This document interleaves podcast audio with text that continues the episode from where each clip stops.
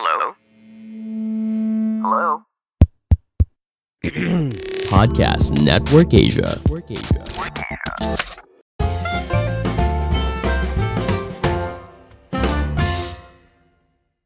Halo semuanya, kembali lagi bersama saya Madianto. Kali ini kita akan membahas tentang tips mencapai kebebasan finansial yang lain. Keuangan tentu merupakan salah satu aspek terpenting dalam kehidupan. Saking pentingnya, bahkan terkadang ada anggapan bahwa keuangan yang baik akan menghasilkan kehidupan yang baik pula. Hal tersebut tidak bisa dipungkiri sepenuhnya, karena melihat dari kondisi sekarang ini, hampir segala aspek kehidupan membutuhkan uang agar bisa dipenuhi. Karena itu, orang berebut untuk mendapatkan pekerjaan yang baik agar mampu memenuhi kebutuhannya secara finansial.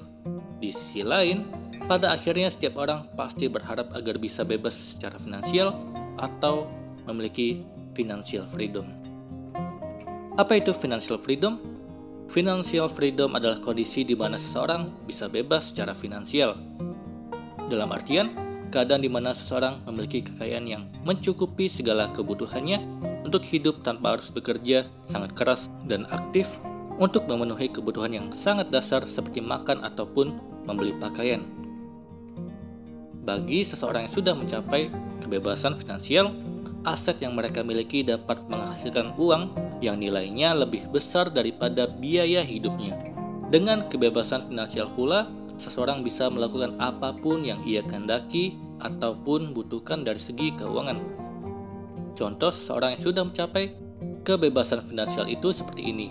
Kalau total pengeluarannya dalam sebulan menembus angka 5 juta, sedangkan ia mampu menghasilkan 17 juta dari asetnya seperti bisnis atau investasi dan mendapatkan penghasilan dari gajinya sebesar 7 juta, maka total pendapatannya dalam sebulan adalah 24 juta. Sedangkan untuk menutupi pengeluarannya dalam sebulan, ia hanya perlu mengeluarkan 5 juta dari aset yang ia miliki. Dan artinya, asetnya masih tersisa sebesar 19 juta lagi. Kalau sudah seperti itu, artinya orang tersebut sudah mencapai kebebasan finansial. Inilah tips mencapai kebebasan finansial. Yang pertama, pahami kondisi keuangan kamu sekarang. Sebenarnya tidak penting berapa umurmu saat ini dan berapa penghasilan yang bisa kamu dapatkan dalam sebulan. Kebebasan finansial tidak diukur dari seberapa besar pendapatanmu, melainkan apakah pendapatan tersebut bisa menutupi segala kebutuhanmu. Pahami kondisi finansialmu sekarang, mulai dari berapa pengeluaran dan berapa pendapatan yang kamu miliki. Apakah pendapatan sudah mampu melunasi semua pengeluaranmu? Kalau belum, maka kamu belum bisa mencapai kebebasan finansial.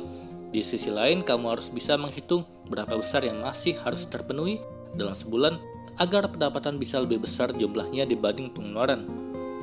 Dengan demikian, kamu bisa fokus dalam menentukan tujuan keuangan ke depan. Kedua, tentukan tujuan keuangan.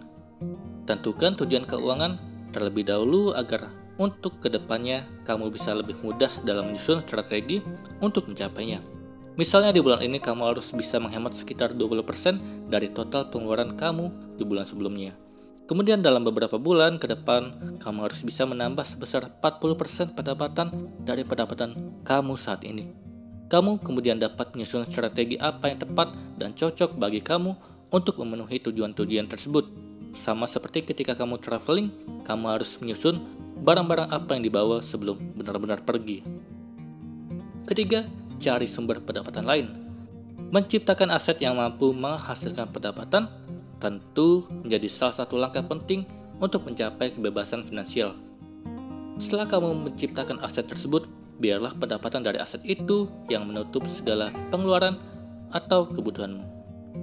Keempat, investasi. Uang yang kamu miliki saat ini tidak akan pernah sama lagi nilainya pada lima tahun ke depan.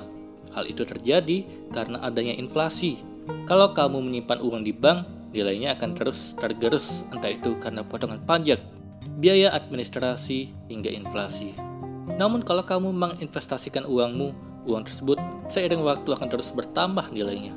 Oleh karena itu jangan pernah membiarkan uang kamu diam dalam tabungan. Pilihlah instrumen investasi yang cocok dan tepat bagimu, seperti investasi emas, saham, properti, hingga investasi online peer-to-peer lending.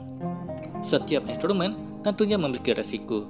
Oleh karena itu, pelajarilah cara kerja dan risiko masing-masing instrumen investasi sebelum memulai.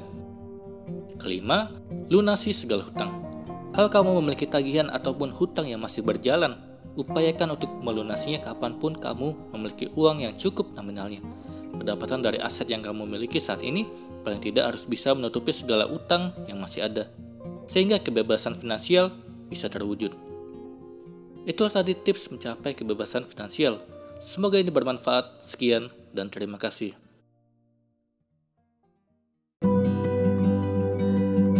Pandangan dan opini yang disampaikan oleh kreator podcast, host, dan tamu tidak mencerminkan kebijakan resmi dan bagian dari podcast Network Asia.